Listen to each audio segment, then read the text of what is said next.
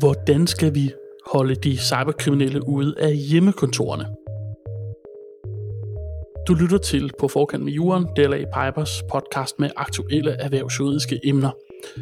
Den verdensomspændende coronapandemi stiller danske virksomheder over for nogle svære juridiske udfordringer og dilemmaer, og vi vil med en række særpodcast informere om de juridiske forhold. Episoden, du lytter til her, den er optaget den 6. april 2020, og for at undgå unødig smittespredning er vi flyttet fra vores normale studie og optager podcasten via en internetforbindelse.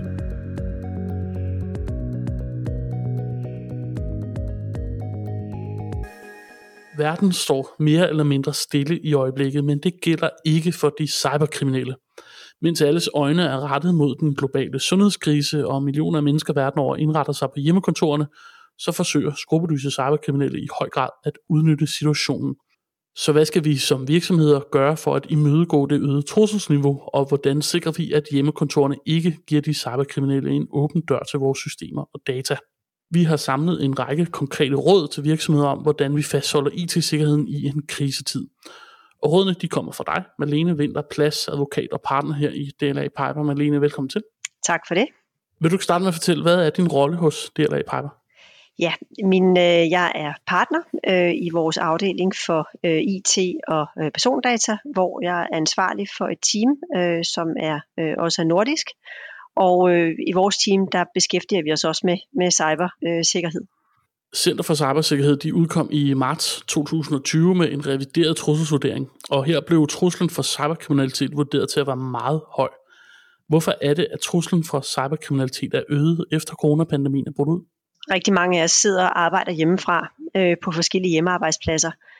Og kombineret med øh, den samfundsmæssige påvirkning af øh, corona, så bliver øh, risikobilledet ændret øh, i forhold til cybersikkerhed øh, i virksomhederne og øh, organisationerne. Og hvorfor er det her med hjemmearbejde en udfordring i forbindelse med cybersikkerhed? Jamen, øh, vi arbejder på en anden måde, øh, når vi sidder og arbejder hjemme, øh, mange af os. Nogle er ikke helt så strikse i forhold til, hvordan øh, de kobler sig op på hjemmearbejdspladsen. Nogle begynder at bruge andre programmer til at gemme øh, deres øh, arbejde, og nu taler vi jo sammen på alle mulige forskellige medier, og det er jo ikke alle de her øh, forskellige medier, der har helt styr på deres GDPR. Nej, vi oplever vel også, at med den store fokus, der er i samfundet på den her sundhedskrise, så glemmer man måske lidt IT-sikkerheden i forbifarten, ja. eller hvordan? Ja, og det, og det gør vi jo, fordi vi, øh, vi måske tjusker lidt øh, i den måde, vi arbejder på, når vi sidder hjemme og, og arbejder. Jeg kan jo se nu, der er jo nogle af de her forskellige øh, medier, som, som, øh, som folk de taler sammen på. Man mødes jo gennem Teams eller øh, mens i Skype, og så er der også nogle af de her andre medier, som ikke helt har styr på deres IT-sikkerhed eller deres GDPR. Og der kan man måske bare være tilbøjelig til at tage det første og det bedste, øh, uden egentlig at tænke på, hvad er det egentlig, at IT-sikkerhedspolitikken i virksomheden siger.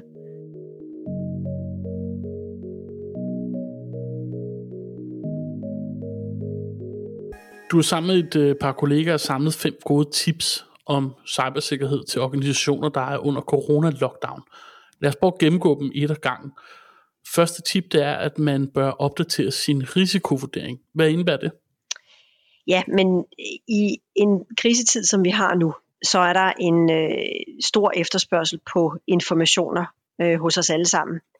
Vi søger efter informationer mange forskellige steder om corona, og det vil ja, ondsindede hacker, det vil de forsøge at udnytte i form, i form af phishing og falske hjemmesider og andre former for, kan man sige, spredning af skadeligt indhold. Så vi får en masse ting ind i vores inbox, og der vil vi øh, være mere øh, ja, tilbøjelige til at søge nogle øh, andre steder, end vi plejer. Jeg kan fortælle mine øh, kolleger, eller vores kolleger i Asien, de har jo været i sådan en form for nødberedskab i længere tid, end vi har. Og de siger, øh, at de har set en voldsom stigning i forskellige former for, for cyberkriminalitet de modtager rigtig store mængder af phishing-mail, som de ikke har gjort øh, tidligere. Og derfor øh, er der et dagligt meget større pres på, på, på IT-sikkerheden. Og derfor så vil det være vores øh, råd, at alle virksomheder de øh, bør overveje, at øh, som en del af kan man sige deres øh, deres risikovurdering også, at øh, lave nogle ekstra awareness kampagner i forhold til til medarbejderne. En awareness kampagne, som er målrettet den her særlige coronavirus situation. Og, øh, og så synes jeg også, at man bør løbende orientere medarbejderne om, hvilke risici de skal være opmærksom på. Det er også vigtigt, at medarbejderne de har øh, tilstrækkelige IT-ressourcer øh, stillet til rådighed, og hvis der ikke er nok ressourcer øh, stillet til rådighed, så er der risiko for, at medarbejderne de bruger nogle uautoriserede IT-aktiver. Øh, de kan gå over og bruge øh, private computer, private e-mail-konti, private læringsmedier og uautoriserede cloud-løsninger. Og så skal man også øh, overveje, om man vil bruge øh, eller vil tillade øh, sådan smart devices med stemme, stemmestyring. Og der har både øh, Google og Amazon nogle forskellige, øh, nogle forskellige produkter. Så alt det her, det gør jo, at, at vi har jo en anden risikosituation i dag, hvor vi sidder og arbejder hjemmefra, end vi havde før corona. Og derfor bør man tage de her forskellige ting med, når man ser på, øh, hvordan øh, risikovurderingen er i virksomheden. Øh, jeres andet tip det er, at man skal sørge for, at risici håndteres i overensstemmelse med virksomhedens pligter. Hvad betyder det? Altså virksomhedens handlemuligheder er påvirket af forskellige lovgivningsmæssige rammer. Der er for eksempel nogen, eller vi er alle sammen omfattet af databeskyttelsesforordningens artikel 32 om behandlingssikkerhed, for så vidt angår beskyttelse af persondata. Men hvis man er en virksomhed, som mange er, eller organisation, som agerer som databehandler på vegne af andre virksomheder, så vil der typisk, eller skal der være indgået en databehandleraftale, som stiller krav til det niveau af sikkerhed, der skal opretholdes.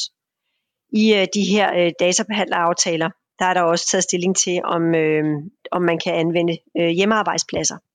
Og hvis der for eksempel ikke er den mulighed i databehandleraftalerne om brug af hjemmearbejdspladser, så bør man jo tage det her op øh, med sin samarbejdspartner og få genforhandlet kontrakten. Ja, apropos det, så er jeres tredje tip, at man skal kigge på virksomhedens IT-kontrakter. Ja. Øh, hvorfor er det vigtigt? Jamen det er jo rigtig vigtigt, fordi mange virksomheder er afhængige af deres IT-leverandører. Deres IT-leverandører er oftest betegnet som forretningskritiske øh, samarbejdspartnere.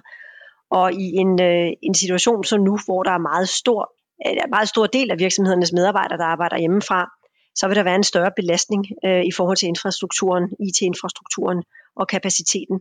Vi har jo også læst om her på det sidste, at nogle IT-leverandører de har øh, svært ved at leve op til de øh, kontrakter, de har indgået med deres kunder. Og det kan også sagtens være, fordi deres, øh, deres underleverandører de er udfordret. Derfor mener vi, at det er vigtigt, at man lige får øh, taget et kig på de kontrakter, man har med sine IT-leverandører, de kritiske kontrakter. Her skal man blandt andet se på, hvilke handlingsmuligheder øh, man har som virksomhed, hvis leverandøren ikke kan øh, levere. Øh, man skal også se på, om øh, IT-leverandøren kan påberåbe sig force majeure, hvis øh, IT-leverandøren ikke kan levere fuldt ud under kontrakten. Og, øh, og så skal man også se på øh, her igen IT-sikkerheden i forhold til øh, i, øh, i forhold til leverandørens øh, ydelser. Øh, hvis nu leverandøren kan øh, påråbe sig force majeure i forhold til den kontrakt, man har, eller man kan se, at der kan være nogle kapacitetsmæssige problemer, både måske i forhold til serverplads, men også sådan noget som hardwarelevering, hvad skal man så gøre? Jamen altså, det er jo en del af, at, at noget af det, vi også taler om med hensyn til at have et beredskab, som indgår i det næste tip, i det fjerde tip. Men øh, det er, at man øh, på forhånd skal have sørget for, at der er en mulighed for tilkøb i sådan en situation, hvor der er, kan man sige, hvis der er umulighed for, fra IT-leverandørens side. Men, men jeg vil sige, det er et godt råd, at hvis man fornemmer, at IT-leverandøren har svært ved at levere, det er at tage fat i IT-leverandøren og, og, og og appellere til, at de selv, kan man sige, får indgået nogle aftaler med nogle andre underleverandører, så de kan levere den fornødne kapacitet og opfylde kontrakten. Mange, i, under mange IT, altså i hvert fald særligt kritiske øh, kontrakter, der har øh, IT-leverandøren jo også en, en forpligtelse til at levere. Men det er rigtigt, hvis der er force majeure, og man ikke kan få leveret, så er det jo noget andet, fordi så kan man jo ikke få leveret fra IT-leverandøren. Og så, er det, så skal man ud på markedet og se, om man kan finde en anden øh, leverandør. Øh, fjerde tip, du var lige inde på det kort. Fjerde mm. tip, det handler om, at vi skal forberede os på det værste. Ja. Hvad mener du med det? I en situation, som vi har nu, bliver vi mindet om, hvorfor det er så vigtigt at have en beredskabsplan. Øh, fordi mange beredskabsplaner, de tager også udgangspunkt i, at man øh, har en, en mulighed for at kommunikere normalt med ens medarbejdere.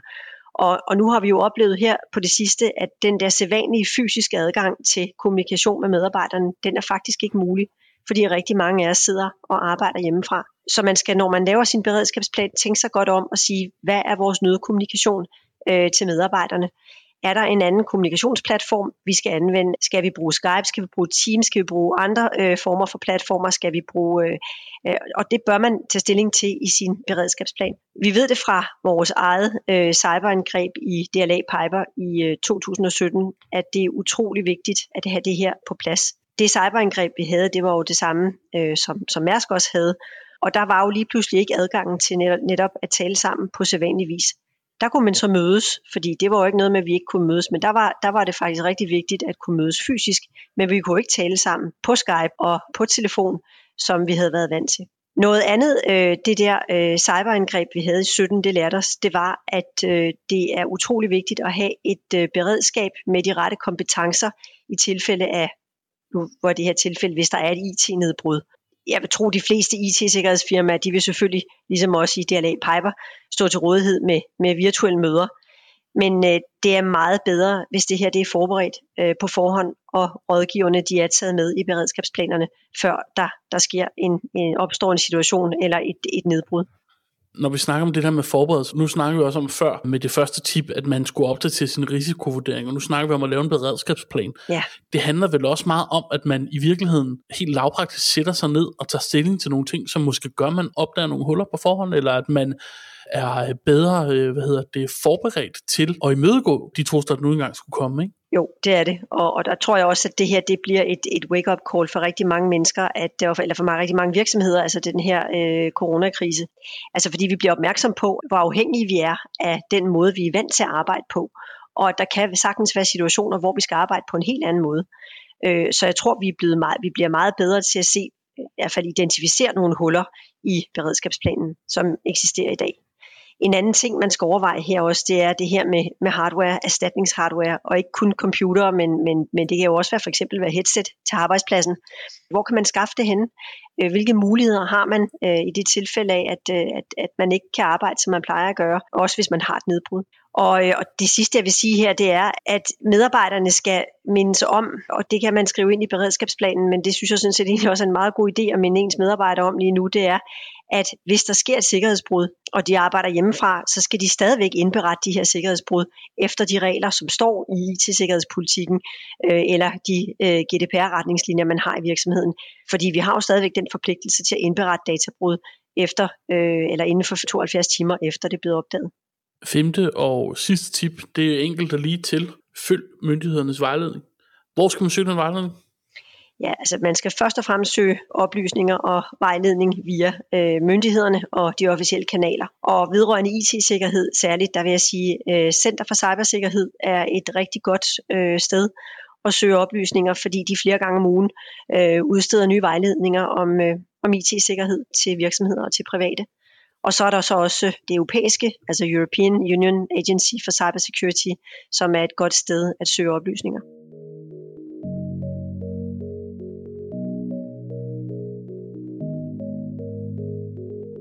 Udover de her øh, fem gode råd til at holde sig sikre i organisationen, så har I også udviklet fem gode og meget konkrete råd til, hvordan man kan minimere cyberrisici på hjemmearbejdspladsen.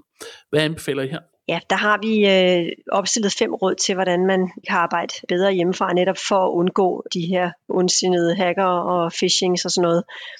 Og, øh, og jeg vil sige, at det første råd, det er, at man ikke skal efterlade sin computer eller sine øh, telefoner eller dokumenter for den sags skyld uden opsyn. Det er klart, når vi sidder hjemme og arbejder, så er vi ikke ude i det offentlige rum, men der kan jo godt være situationer, hvor man skal transportere sig selv fra A til B.